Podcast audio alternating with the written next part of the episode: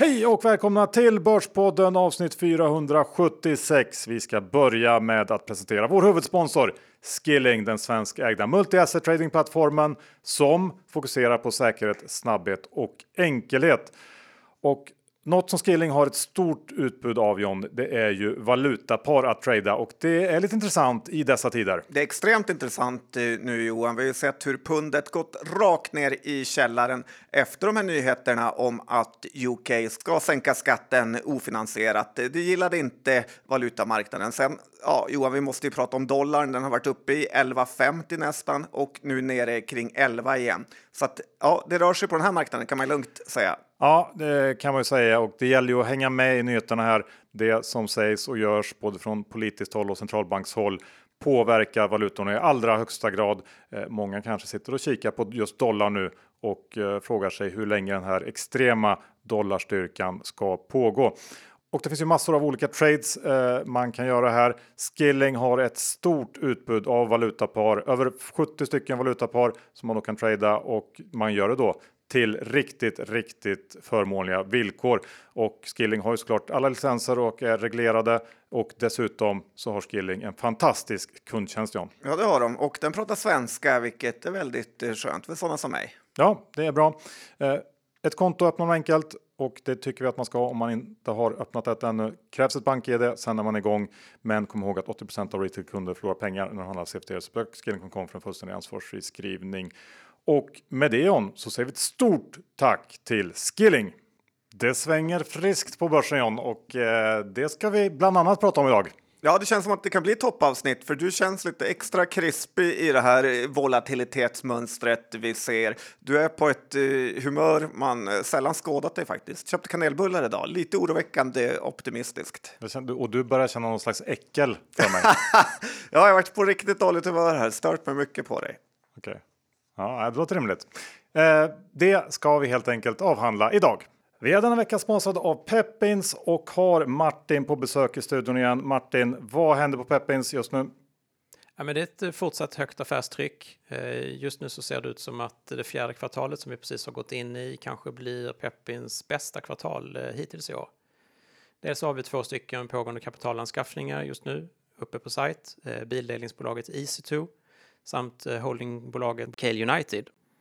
Och sen så kommer vi också inom kort öppna upp kapitalanskaffningar i ett eh, proptechbolag som heter Navian.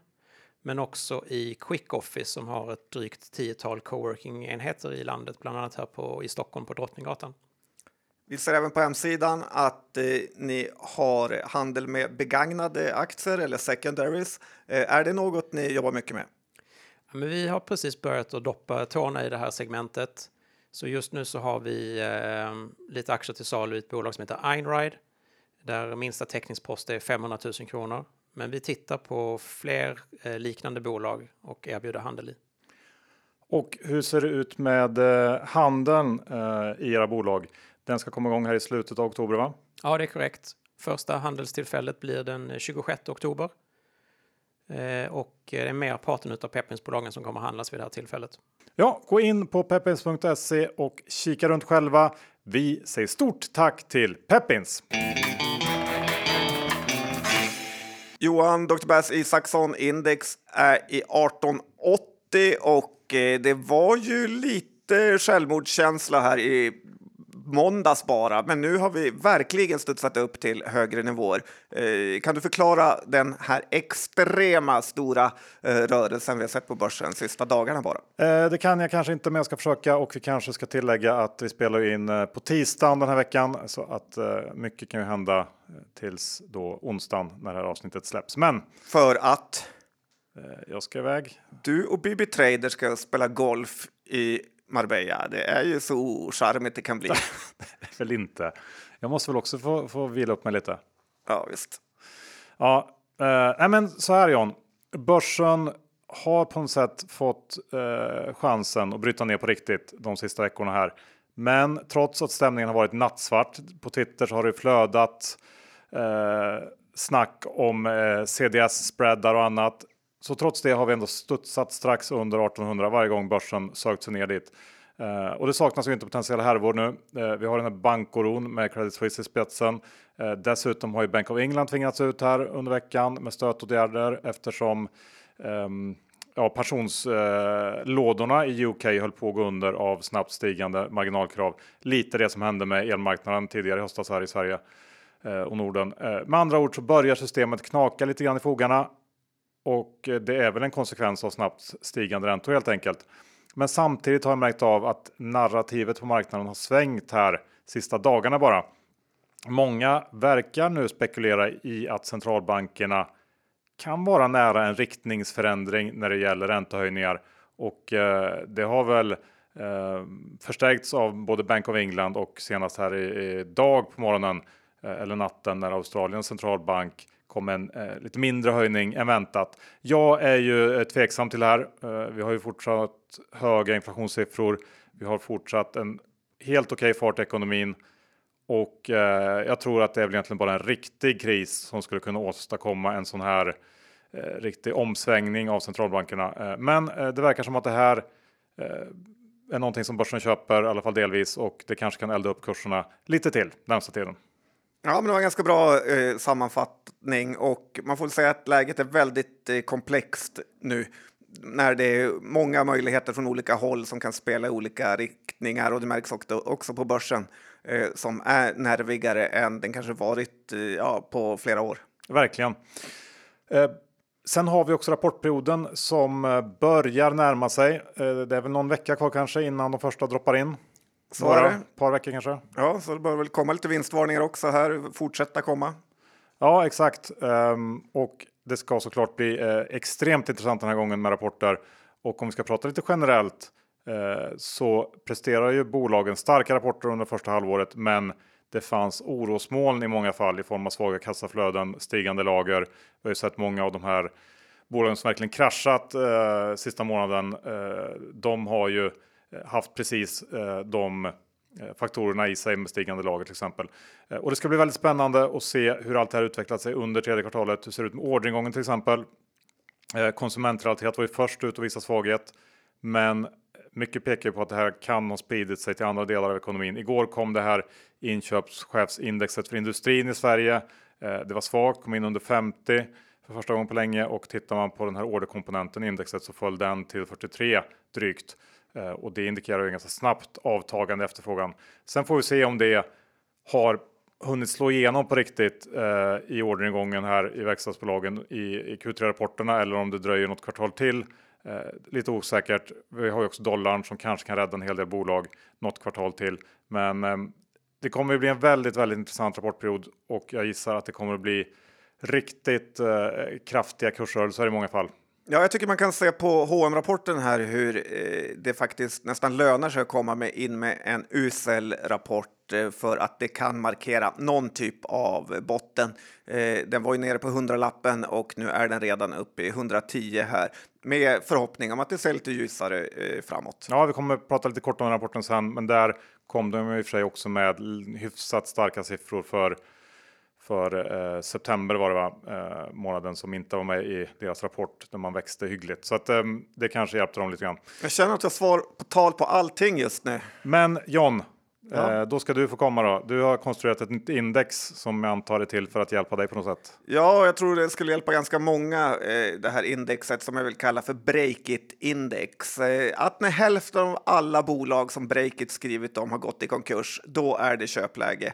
Vi gillar ju Breakit och det gänget, eh, men den sjuka mängden av fucked up startups som de har skrivit om kommer ju ändå hamna i historieböckerna. Så när alla unga tjejer och killar med en dröm om att förändra världen sitter i kassan på Coop eller jobbar på Handelsbanken, då vet man att ekonomin kan vända på riktigt. Okej, okay, och var är vi nu då på det här indexet? Ja, men det har ju kommit eh, en ganska bra bit, men det finns eh, fortfarande ja, lite så mm. innan den riktiga, riktiga botten är. Och, ja, köper jag. Ja, en annan grej som faktiskt eh, ska hända också innan börsguden kommer släppa upp börsen, börsen igen det är ju att Anna Svan och Syding måste sluta prata med varandra på engelska på Twitter. När jag ser det så dör det saker inom mig och då allt dåligt som finns i världen känns obetydligt när jag jämför med det. Ja. Jag har absolut ingenting att säga till deras försvar. Men kan de inte bara sluta med det? Jo, det är klart. Mm, bra. Alla som skriver på engelska måste sluta på det, med det. Ja, verkligen. Om man inte är från England. Eller? Ja, särskilt om man skriver med varann. Var det inte de här kalkylgänget skrev med varandra också på engelska? Då, eh, Nej, men det går inte. Det går inte. Nej, Det är helt... Eh, klarar nästan inte av att fortsätta podden nu. nej, det är som när Bull har, eh, presenterar och vdn säger you know 3 till 400 gånger per presentation. Och körs. Eh, men det är ju faktiskt eh, ett gäng som det har gått riktigt, riktigt bra för sista tiden. Och eh, vilka är det? Ja, men det är blankarna och deras tid är ju nu kan man verkligen säga och det vet de om och utnyttjar maximalt. Eh, Sentimentet är ju väldigt svagt. Rädslan hos investerarna att gå bort sig är stor och så finns det inga stödköpare, särskilt när man väljer att gå ut med såna här blanka rapporter under den tysta perioden som är 30 dagar innan rapport. När det var hög konjak och investerarhumöret på topp så såg investerarna på blanka rapporterna mer som att de panikerade för att de låg fel, typ Evolution Gaming eh, eventet när aktien gick upp för att investerarkollektivet då ville straffa och squeeza blankarna. Medan nu är det nästan löjligt enkelt för blankarna att tjäna pengar och skrämma ned aktiekurserna. Eh, det räcker med att nästan kända saker som att höga kundfordringar eller svagt kassaflöde eh, nämns så kollapsar aktien. Och jag säger inte vad som är rätt eller fel, jag säger bara hur det är. Och har man pengar och möjlighet och eh, kanske framförallt tro på eh, det egna bolaget så kan man faktiskt utnyttja sådana här blanka attacker till att eh, köpa in sig billigt i en aktie man är lite sugen på. Ja, men jag håller med om det. Och vi kommer att prata mer om blanka attacker sen också. Eh, men först ska vi lära oss en aktieläxa. Ja, men man kan aldrig eh, plugga för mycket på börsen. Men något man eh, ska lära sig och som är ganska enkelt att lära sig, det är att man aldrig någonsin ska beblanda sig med banker som har problem i tron att de kan lösa det. Problemtrion Credit Suisse, Deutsche Bank och UBS har aldrig hämtat sig sedan finanskrisen och även under den här perioden varit med om många andra olika härvor. Danske Bank är ett annat eh, bra exempel som heller aldrig kommit tillbaka efter sin pengatvätt-härva sedan 2017-2018 eh, när aktien faktiskt stod långt över 200 och nu står man fortfarande i 90. Vi har ju även de svenska nischbankerna som man nästan helt kan skriva av och det som jag känner är lite trist med allt det här, det är ju att Klarna är ju faktiskt en av nischbankerna och eh, om Klarna hade handlats på börsen så hade det nog varit ett P7-bolag och då hade Klarna Sebbe inte varit eh, särskilt rik faktiskt med tanke på att Klarna är en förlustmaskin. Ja, jag håller med eh, om det du säger där. Eh, banker är lite farligt att hålla på med om det börjar gå snett. Ja, och i krig så brukar man ju faktiskt säga att eh, det säkraste stället är att hoppa i ett gammalt bombhål för att fienden skjuter inte på samma ställe två gånger. Eh, Kände du till det Johan? Eller vad hade ni för Nej. lärdomar i Tjejlumpen? Inget sånt i alla fall. Att man kunde använda samma tepåse två gånger. Småsur. Nej, men så här bombhål, om vi ska prata lite om dem. Ja, för det vet du mycket om. Ja, som en gammal sn- FN-sniper. Har jag sagt att jag gjort det för tjänstgöring? Jag tror inte det. Nej, jag vill hoppas. eh, Jag vill inte snacka så högt om Nej, det, så att, eh, vi kan väl lämna det. Ja. Nej, men om man tror att den här Credit Suisse-härvan, att det ska leda till att världen går under på samma sätt eh, som med Lehman Brothers, så tror jag att man gör det väldigt eh, enkelt för sig, för enkelt för sig. Så dålig är inte världen att den kollapsar på samma sak två gånger i rad, utan ska vi få ett eh, fullständigt haveriskådespel så kommer det vara från något som ingen är beredd på. Så mitt råd är nästan att köpa börsen på den här level 1 one-oron för just eh, Credit Suisse. Ja, och det har väl redan hänt också på något sätt. Ja, det har redan hänt. Det är inte så att vi, vi är upp ganska mycket sedan den oron pika under helgen här. Ja, Ja, svar på tal Johan. nej, men det var bra sagt. Eh, nu ska du få eh, avsluta första delen John med någonting eh, som du är bra på. Det är att peppa folk. Okej, jag trodde du skulle liten- säga grina, men eh, det är Man ska olika... inte peppa då? jo, men faktiskt, jag vill Ja. skicka några värmande ord till alla investerare som är nära att bryta ihop eh, av den här bäsen. Håll ut, för det är lätt att bli deppig och vilja sluta med börsen efter en sån här sur period. Särskilt eh, kanske om man jämför med de värdena man hade på sin depå på toppen. Eller som det kanske blev för många, att man blev för positiv på toppen och lurades in och nu istället ligger rejält back.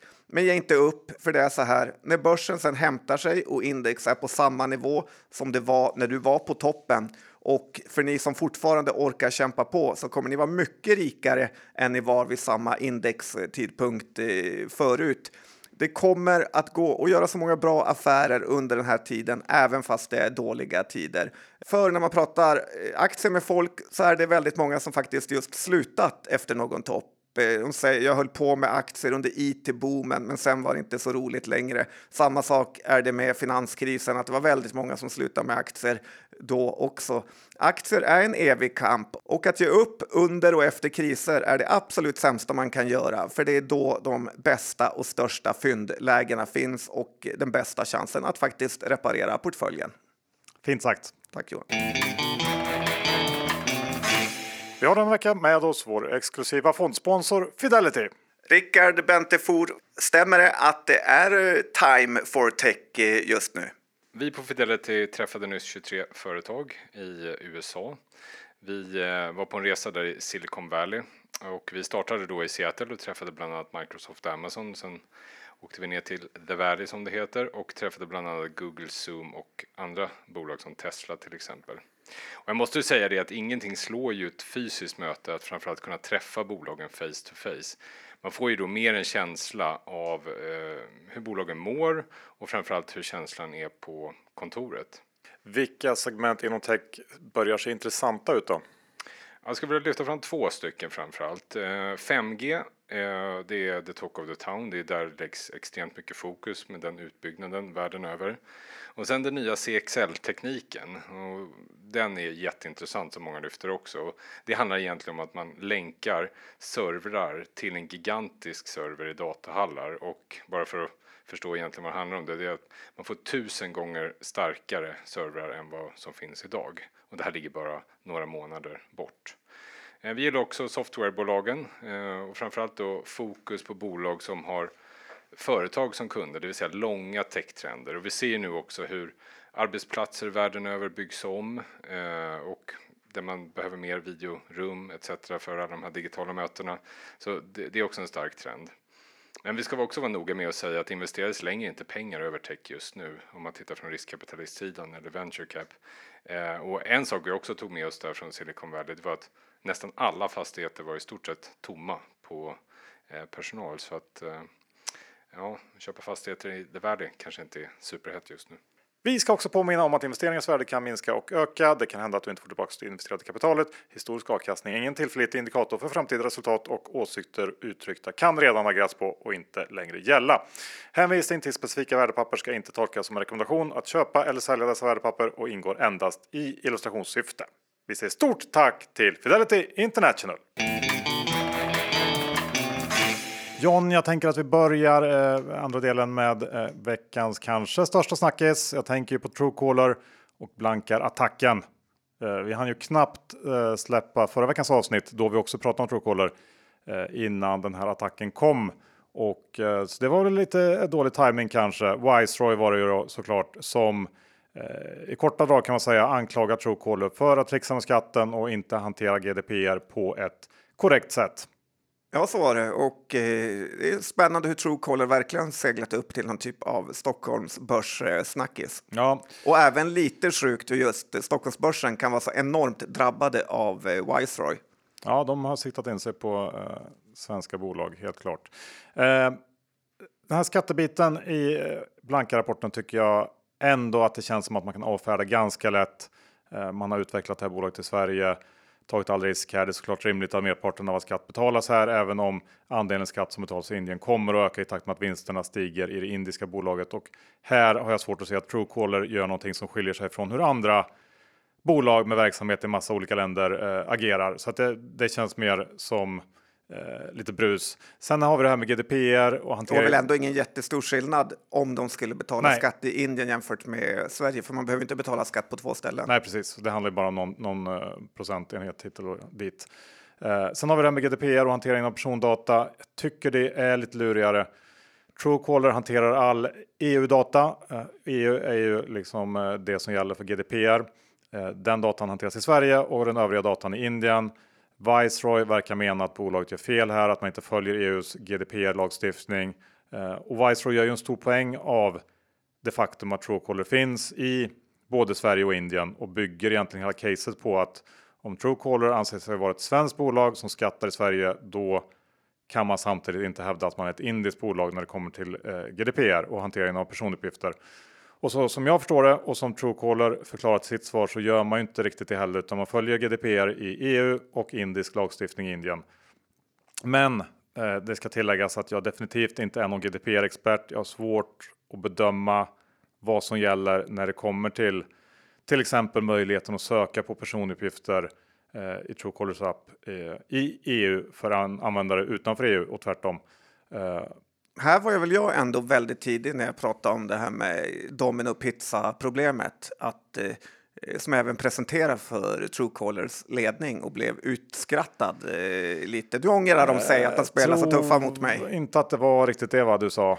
Ja, ungefär det. Nej, men det känns som att rädslan har väl, det har väl alltid funnits en, en GDP-rädsla i Truecaller på något sätt. Men det handlar väl mer, fast som jag har förstått det, om att Indien skulle införa någon slags liknande lagstiftning. Ehm, det är väl inte riktigt det som Viceroy har siktat in sig på. Ehm, men tillbaka till frågan. Eh, är det någonting i Truecallers app som ligger i något slags gränsland här? Jag har ingen aning om man ska vara, vara ärlig. Ehm, I grunden så tänker jag ändå att det här är någonting som Truecaller verkligen borde ha koll på. Det här är ju grunden i hela deras affär. Och jag lutar ju definitivt åt att Viceroy överdriver de här hoten. Um, men det är som sagt det är en känslig fråga eftersom det är en så viktig del av verksamheten att det här eh, görs på rätt sätt. Och som jag var inne på i början, det här är definitivt ingen marknad som man blivit belönad för att vara tuff i och gå emot sådana här blanka rapporter. Eh, aktien var dessutom redan enormt svag. Den här attacken tajmades perfekt och eh, det har skapat en, en ganska rejäl osäkerhet skulle jag säga, även om Truecaller kommit med, i mitt tycke i alla fall, bra svar på de stora frågorna här som Viceroy kom med. Eh, och risken är ju att det här kommer att ligga som en blöt filt över aktien. Eh, Viceroy är ju, om man tittar på hur de har eh, jobbat i eh, SBB-caset, eh, inga som ger sig i första taget. De kommer att komma med flera anklagelser. eh, och bara, bara nöta på tror jag. Det, det är en jobbig eh, situation för Truecaller. Ja, verkligen. Man vill ju inte bli punktmarkerad av eh, Viceroy. Han är ju rätt uh, sjuk i huvudet med på Twitter, den snubben. Lägger ut många konstiga saker. också lite kul att Ilja hade blivit morfar. Grattis till det. Ja, grattis Ilja. men att han använde det argumentet, för nu hade han ytterligare en kämpe mot blankarna. Så ja. att familjen Bataljan växer. Ja, det är kul. Uh, nej, men om vi ska bara sy ihop Truecaller. Uh, Hans arv hade varit ganska mycket större för uh, ett år sedan. Ja, han klarar sig. Så tror det är jag inte säkert. Släpp morfar nu. bolaget måste helt enkelt motbevisa den här tesen genom att jobba sig igenom den här härvan och det tar tid tror jag. jag har stått vid sidan om egentligen under hela den här blankar attacksfadäsen Eh, försökt hoppa in och stoppat ur mig. Jag vet inte riktigt vad jag ska göra. Jag, jag tycker att det är svårt. Eh, jag vill ju tro att uh, Viceroy har fel, men ja, jag avvaktar än så länge. Ja, men du har ju spelat eh, uh, Truecaller eh, fantastiskt eh, hela det här året, så det är nog det man ska eh, följa här. Jag har köpt lite aktier eh, bara eh, på någon typ av studsläge. Lite inte eh, så tycker jag att det är kul att Truecaller eh, gör återköp in i det här, vilket ändå visar på att man har eh, förtroende för sig själva. Så att, äh, jag har köpt lite aktier, ingen stor position och jag hoppas på riktigt att Alain och gänget reder ut det här, för lite vill jag se Wiseroy brinna. Ja, absolut. De har ju väldigt hög svansföring och jag håller med om återköpen. Det är ju verkligen jag antar att bolaget anser sig göra allting rätt så att då är det ju bara att köpa tillbaka aktier. Han var ju även med i Placera-podden får vi säga, eh, den här snubben. Ja, han Fraser, Fraser Paring eller något sånt. Ja, och många har väl sagt att det var lite pinsamt faktiskt hur den här eh, programledaren Carl Lantz blev, eh, satt och smörade för honom. Jag skulle ja. säga snarare att han blev överkörd av Fraser. Ja, han hade chansen och så blev han överkörd. Hade inte, så hade det inte gått till i Börspodden. Nej, det hade det väl kanske inte gjort. Han, han blev överkörd. Jag vet inte, det får vi se om man dyker upp. Nej, ja, men så är det i alla fall med Truecaller. Um, och uh, ja, jag hade någonting mer jag skulle Vi ta skulle upp ändå där. bjudit in honom och sen eh, gissa vem vi har här så skickar vi in Ilja eh, som står inne på toaletten och kommer fram. Mm. hade ändå varit värt att live-sända. Det hade varit populärt tror jag. Nej, ska bara avslutningsvis, jag kom på en grej med Truecaller. Det vi pratade om förra rapporten, eller förra avsnittet var väl mer om att man spekulerade i marknaden kring att det var um, den här storägaren, uh, vad heter de? Perkins eller Sequoia. Ja, precis, Kleiner Perkins eller Sequoia som sålde aktier. Nu känns det väl som att uh, man kan skriva av det. Antagligen var det väl uh, någon slags bankarförberedelse som pågick här uh, veckorna upp till blankarapporten släpptes. Så att det var nog ingenting. Men å andra sidan. Och det får man väl även ge Wiseroy att de är ju inte rädda för att sätta pengarna bakom orden heller. Nej, så, absolut. Men det jag tänkte komma till var väl att det här överhänget ligger fortfarande kvar där i form av, av Sequoia och, och uh, Klein Perkins som antagligen ska ut inom, säg något år i alla fall. Uh, och det är också en, tar ju bort också lite suget på något sätt. Uh, att det kan komma något block därifrån. Förmodligen medräknat i uh, Viceroys blankar attack att de vet att de har den medvinden också. Ja, så är det nog. Men nu släpper vi Truecaller och går vidare till fastighetsbolagen som du har snöat in på? Det har jag väl inte gjort, men jag såg att Handelsbanken idag eh, sänker i princip alla fastighetsbolag till sälj och jag undrar om det inte är lite senaste laget här av vår eh, ja, kära vän Johan Edberg. Han var ju negativ redan i somras när vi pratade med honom. Ja, men nu var han jättenegativ i dagens uppdatering här. Jag tycker snarare att man borde börja leta efter köplägen inom fastighetssektorn, för snacket är ju att fastighetsbolagen, om de ska refinansiera sina lån nu, så skulle det vara fullständig katastrof för dem. Ja, men det är ju sant såklart. Men min take är ju att det är lite kaos på finansmarknaderna nu och eh, att när det väl blir lite lugnare och det räcker ju med att det antingen blir mer positivt klimat och att allt eh, går upp eller att det blir ännu mer negativt för då kommer räntorna att gå ner av sig själva. Så att eh, att börja tänka sälj när aktierna har tappat 60-70% av värdet tycker jag är lite sent. Det är kanske också för tidigt att köpa, men när det väl vänder så kommer det gå fort uppåt och då kan det vara värt att snitta ner sig. Jag såg att Soy var ute i veckan och såg i sitt horoskop att aktier skulle stå lägre om tre år, fastighetsaktier. Ja, det var inte Soy. Det var Akelius. Ja, det var Akelius. Mm. Ja. Jo, och han sålde på toppen. Du är en besserwisser idag Johan. Men vad ska jag säga då när du sitter och säger fel om och om igen? Kunde klippt i podden ja, så att det verkar smart. Vill hellre visa för alla. Nej, men, men, äh, men jag, eh, visst, Akelius snackar ju egen bok för han sitter ju med en fet pengapåse eh, efter att ha sålt på toppen som sagt. Men, Undrar hur mycket Heimstaden jag, hatar Akelius. Ja, det... Lurad så in i HVT. Han tvingar väl inte någon att köpa? Eller? Nej, men ändå. Ja. Jag är på Akelius sida. Jag tror också att det står lägre om tre år. Ja, du Edberg Akelius mot mig och Ilja. Mm. En bra fight. Faktiskt en eh, sevärd fight. Ja, och vi går över till veckans sjunkbomb. Och vad tänker jag på? Ja, jag ser redan i dina ondskefulla ögon att Glädjen. det är Bol, eh, ja. nyemissionen. Jag ja. tänkte på det idag faktiskt. Eh, eh när nyemissionen kom så skickade du vår trader eh, WhatsApp-grupp. Ja, och där kom den. Som att du satt på svaret. Det var riktigt vidrigt gjort, eh, särskilt som du vet hur mycket aktier jag har. Jag vet inte hur mycket aktier jag har. Ja, men för mycket. För att det Nej, men det var inte kul då. Ja. Var det? Nej, det var det. Du kommer inte komma till börsguldhimlen kan vi säga. Ja. I alla fall inte om jag kommer före. Jag tar tillbaka all skadeglädje, John. Ja, det är lite för sent nu. Ja. Men där kom den. Ja. In, sånt förlåter jag inte i första taget kan jag, jag säga. Jag vet det, du är långsint. Mm. Eh, men eh, varför skrev jag där kom den?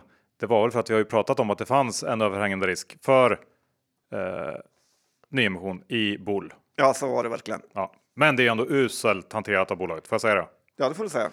Du får säga allt negativt du vill. Aktien har kommer... kraschat eh, inför det här. Man delar ut pengar eh, så sent som i våras. Jag vet inte, aktien är 80 procent. Eh, ja, ja, massa usla rapporter. Jag tycker att man borde kunnat se det här lite tidigare kanske. Ja, jag tror man nog har gjort det, men att det tagit lite tid. Men absolut, det har ju verkligen läckt får man säga. Aktien har ju gått från 55 till 12 kronor och det är väl så att eh, de flesta har bara väntat på den här nyemissionen. Eh, lite kan jag tycka att det är ofattbart märkligt att den här Jesper Söderqvist var och presenterade bara för några veckor sedan eh, hos ABG. Han börjar mer och mer framstå som en sopa och det är dags för honom, när han inte hoppar av som en tränare som har fört ner laget tre, fyra divisioner själv, så liksom, ja, han kan bli förlåten om han eh, gör ett kanonjobb nu. Men då vill man ju se hårt jobb. Jag skulle nog säga att det snarare borde vara kicken direkt nu. Ja, men det borde vara så. Samtidigt har det ju varit tufft läge. De har ju haft produktion i Ryssland, inte så bra för dem. De håller på att använda pengar till att investera i den här nya produktlinjen. Nästan får vi se om något år här om det är rätt. Och sen Johan, så är det ju faktiskt så att mannen vi brukar omtala som the Oracle of Vetlanda, Emil Hjalmarsson, mm. ska ju kliva in i styrelsen från grenspecialisten, vilket jag tycker är väldigt bra för att de har inte haft någon representation där innan. Och Eh, Eh, lite skulle ju nästan grenspecialisten kunna dumpa Bull nu eh, när det har sjunkit så otroligt mycket. Det är inga jättepengar för dem, men att istället försöka kliva in och eh, eh styra upp det här tycker jag ändå visar på viss att man vill hjälpa även småspararna. Och det var ju din bordsplacering här på den här grenspecialistdagen Johan, så att nu får vi se om du satt vid barnbordet eller om det var lite framgångskänsla där ändå. Jag sätter mitt hopp till honom i alla fall. Ja, men vad bra. Jag gör också det. Jag tror, jag tycker också som du säger att det är ett väldigt bra steg. Eh, det behövs och uh, nu är det ju också, får man säga, lite upp till bevis här för grenspecialisten att styra upp där. Ja, det är Oracle och Vetlanda. Allt hänger på dig. Och kan jag få tillbaka typ ett par miljoner så vore det väldigt bra. Martin Gren kan swisha. Du, en annan grej här i veckan eh, som var stor. Vad tänker jag på? Det var, eller du behöver inte gissa. För det jag tänker på är Sinch, det som hände där. Softbank. Ja. Det har blivit en liten så här veckovis följetong att följa vad, eh, vilket bolag som Softbank eh, paniksäljer sig ur ja, den här det veckan. måste ju vara en skam att jobba på Softbank. Ja. Eller så respekterar de inte pengar. Jag vet inte, men den här veckan så var det i alla fall dags för eh, en stopp i Sinch då, av Softbank. De sålde 5% tror jag ungefär, något sånt va. Eh, och det som var så intressant var ju att det var grundarna som stod på köpsidan eh, och grundarna sålde faktiskt de här aktierna till Softbank i slutet av 2020 och nu köper de tillbaks nästan 85% billigare. Lite svensk vinnarmentalitet ändå.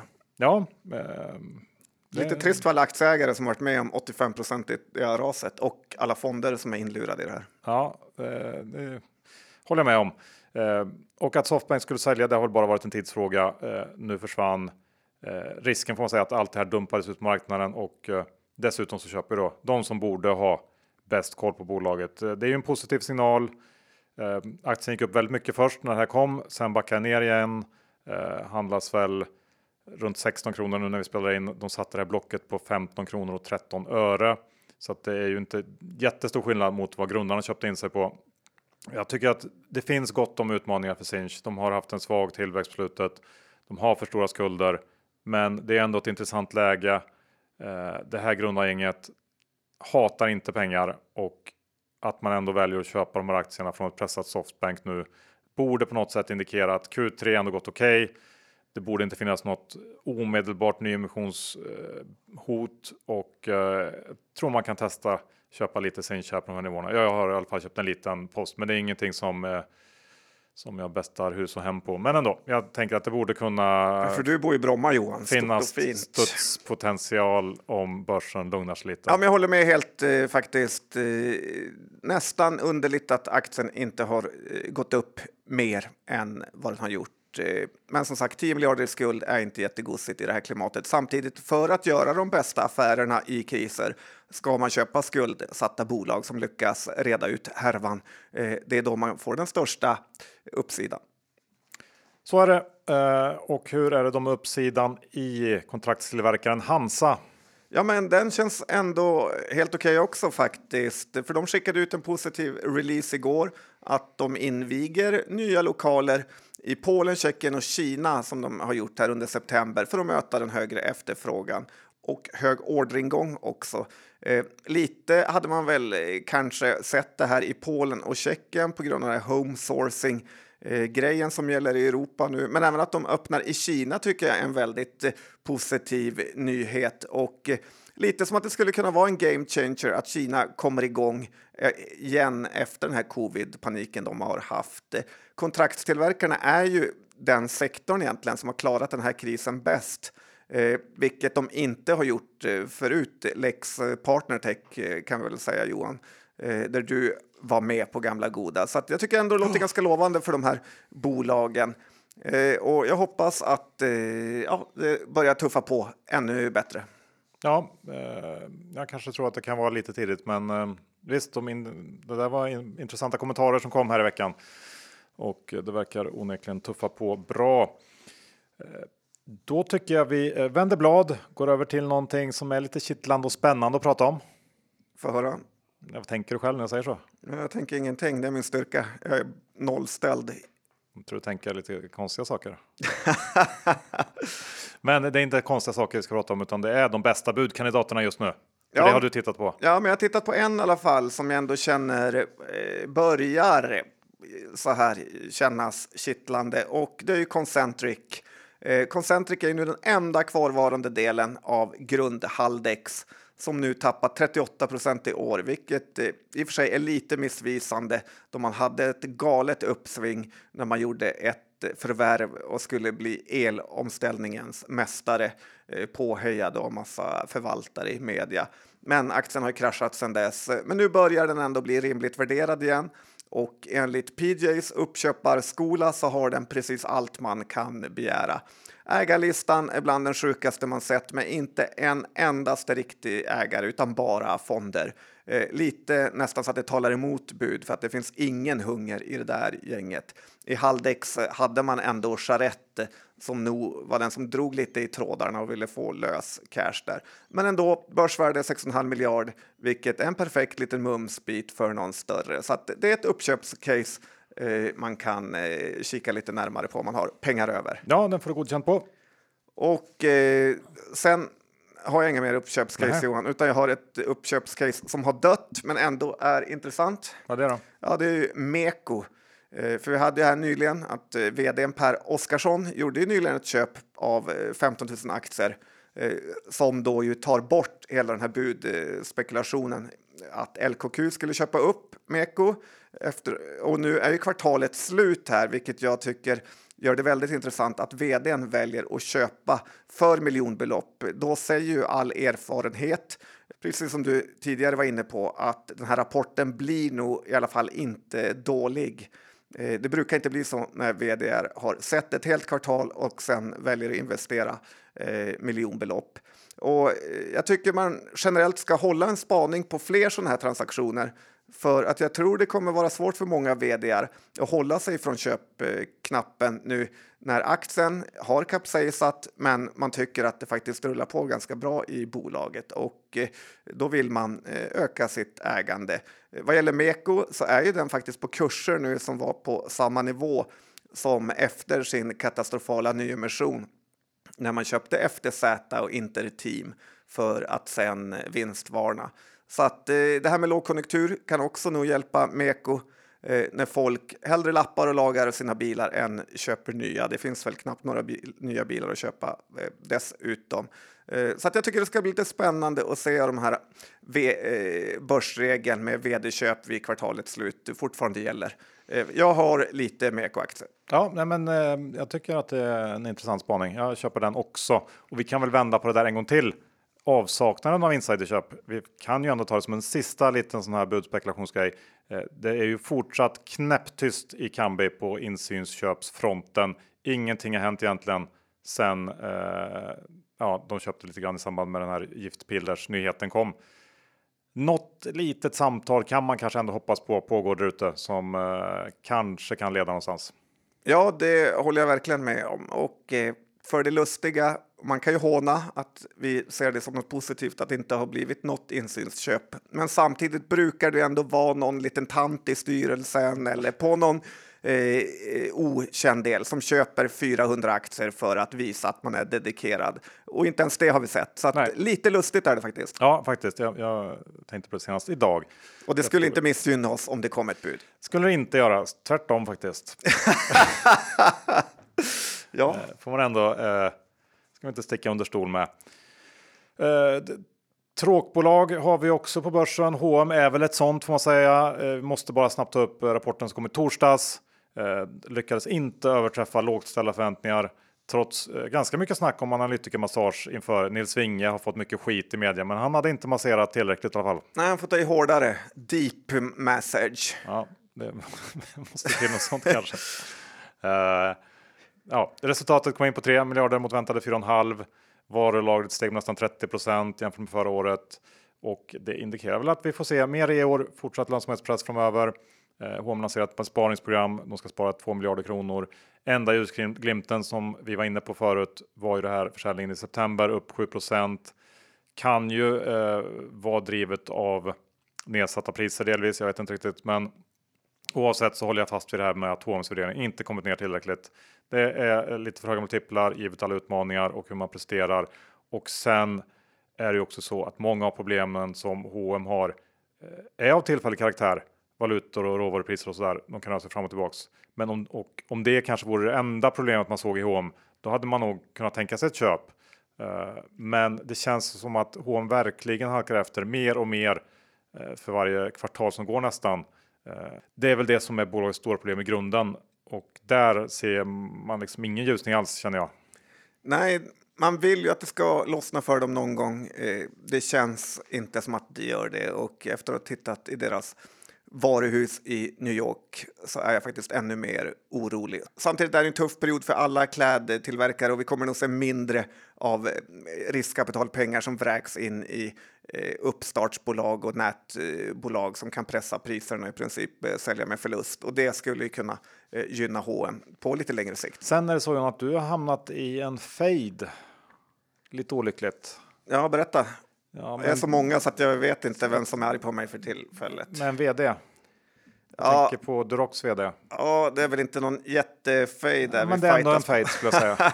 ja, men jag är besviken på honom. han är lite besviken på dig. Ja, men jag är nog mer besviken på honom ja. för att eh, det är något sjukt när man äger mer än liksom 10-15 gånger aktier mer än vdn som en liten trader från eh, i en källare kan jag tycka. Och Dessutom så har jag nyligen läst vd-ordet, för Drock har ju sånt här brutet räkenskapsår och skickade ut sin årsredovisning här. Eh, så jag häpnade lite över vd-ordet, för det står så här, vill du höra? Ja.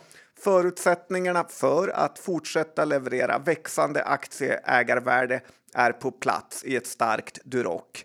Det är ju lite Bagdad Bob-känsla över det där. Eh, Sådana klyschor kan man liksom inte bara dra till med hur som helst. När man först vinstvarnade för att deras eh, Q1, eh, som inte ens har kommit än, men som man fick vinstvarna för, och det var inte så bra. Och sen har ju dessutom aktien halverats sedan förra året. Så att han kan väl ta bort det här med att fortsätta med och sätta dit börja med, så känns det lite rimligare. Och det är ju också eh, så här, fler saker som stör mig och det är ju att vdn John Häger här pratar om, eh, vilket han gör i alla rapporter, om vilken extremt fin intjäningsförmåga Duroc har och som jag också tror de har. Men då tycker jag att man som vd borde våga äga mer än 8000 aktier. Eh, det är pinsamt lite. Visa var, att du tror på det och lasta in lite aktier nu. Mm. 1-0 till John här då, Skogman. Får ja. vi se hur uh, det blir sen efter repliken. Ja, det får vi se. Mm. Känns du nästan lite arg nu eller? Ja, men jag känner mig sårad. Det är mer det. Ja. det då är jag som farligast. Ja, det faktiskt. du är jättefarlig då. Uh, Skistar är väl kanske ett ämne som inte upprör lika mycket liksom, känslor hos dig? Nej, det gör det inte. Det fortsätter väl eh, ganska, går ganska dåligt för dem. Ja, kommer från väldigt hög nivå. Rapportera idag. Eh, det här är ju en icke-rapport på något sätt. Ehm, fjärde kvartalet för Skistar. Det är ju inte någon säsong nu och egentligen så lägger man allt fokus eh, på eh, det de rapporterar om bokningsläget inför säsongen 2022-2023. Och nu har man högst flux valt att jämföra det med perioden innan pandemin, det vill säga säsongen 19-20. För det är enligt bolaget den senast jämförbara vintersäsongen. Och mot den så är man upp 7 och det slår man eh, på stora trumman för, vilket är lite märkligt kan jag tycka. Ja, det var en eh, liksom, förändring till, för att gynna sig själva. Ja. För att bolaget är betydligt försiktigare med att skriva ut att bokningsläget är ner 10% mot förra året. Och jag vet inte riktigt vem man tror att man lurar med sådana här grejer. Jag tycker att det är löjligt. Varför inte bara skriva ut som det är? Um, dessutom så känns det väl som att den här tidigare så lönsamma fastighetsutvecklingsdelen antagligen kommer ha en ganska tuff period framför sig. Aktien har tappat en hel del sedan förra året då den toppa är tillbaks på ungefär samma nivåer som gällde innan pandemin. Eh, ja, jag vet inte, det känns inte som köpläge, men det kanske är eh, bara rimligt att det är så. Ja, men det är ett fint bolag i grund och botten. Det sägs i och för sig att de har väldigt stora investeringsbehov och det här med att sälja tomträtter och liknande i Åre är nog dött ett eh, tag för, framöver. Och sen undrar man ju lite om hur det gick med deras sommarsatsning på att alla skulle åka runt i mountainbike i fjällen. Verkar inte heller varit någon enorm hit. Tror att det har gått okej, okay, men får se mycket pandemieffekter också. Vad jag än säger så är det tvärtom. Ja, men det, det är bara alla, då... alla är ju och åker mountainbike i fjällen känns som. Eh, Man träffar ja. inte en människa i Bromma som inte varit det. Nej, lite därför jag ska flytta snart. Även fast det inte är frivilligt så är det därför. Det är det. Och då kanske du köper någonting av Bonava? Ja, det är inte kanske, omöjligt. I Tyskland ja, kanske? För att eh, det ägs ju av Nordstjärnan som vi vet alla är riktiga sopor. Och det behöver man ju väl inte diskutera längre, utan det är fakta. Eh, men nu undrar jag faktiskt hur dåliga de är egentligen. Eh, om de är liksom maximalt usla. Bonava delade i fredags ut 1,75 kronor eh, per aktie, vilket känns ju helt otroligt när man tänker på vilka problem de står inför och hur aktiekursen har gått. Behövs inte de här drygt eh, 150 miljonerna i cash betydligt bättre i bolaget än att man ska skicka ut dem nu när det är i princip köpstopp på bostäder i hela Europa. Råvarupriserna eh, är väldigt svajiga och man är ju redan ett väldigt skuldsatt bolag. Om Bonava kommer göra nyemission efter det här så måste hela styrelsen avgå och eh, sen eh, erkänna att de inte har någon koll. Götenehus varslade idag 25 procent idag om uppsägning och det säger hur svårt det är att få den här kalkylen att gå ihop för bostadsbyggarna. Och ja, jag är orolig att de inte har eh, koll på eh, sina pengar. En varning där då, helt enkelt. Eller är det rött kort kanske? Ja, det är mer konstigt gjort. Ja, men jag menar styrelsen då? Ja, det är rött kort. Rött kort? Rött kort. Direkt eller var det två gula? Nej, det är två. det är rött Johan. ja. Jag gick i domarkurs en gång, då sa man ostskiva. Är det? det som... ja, jag var jättekastdomare.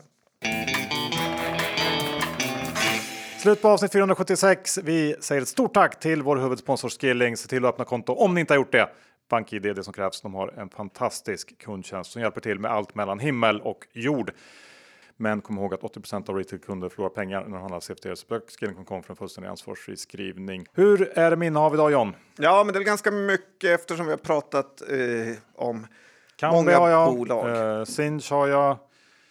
Eh, Truecaller har jag inte som sagt. Eh, hade gärna velat haft men inte vågat riktigt. Det var nog det av de bolagen. Ja, jag har Truecaller, Sinch, Bonava faktiskt. Eh, lite av eh, mycket Duroc, mycket Bull, lite Meko. Eh, det Trist väl... det där med Bull. ja, det är inte en så krispig portfölj. Sen har ju du i Löndom eh, köpt in lite bolag till Börspodden också, så jag äger ju Truecaller via Börspodden. Ja, det gör du och även Duroc via. Du hade också i Löndom och... köpt Bull. Dagen, dagen innan. Ja. ja till eh, Börspodden-portföljen. Så det tackar vi för.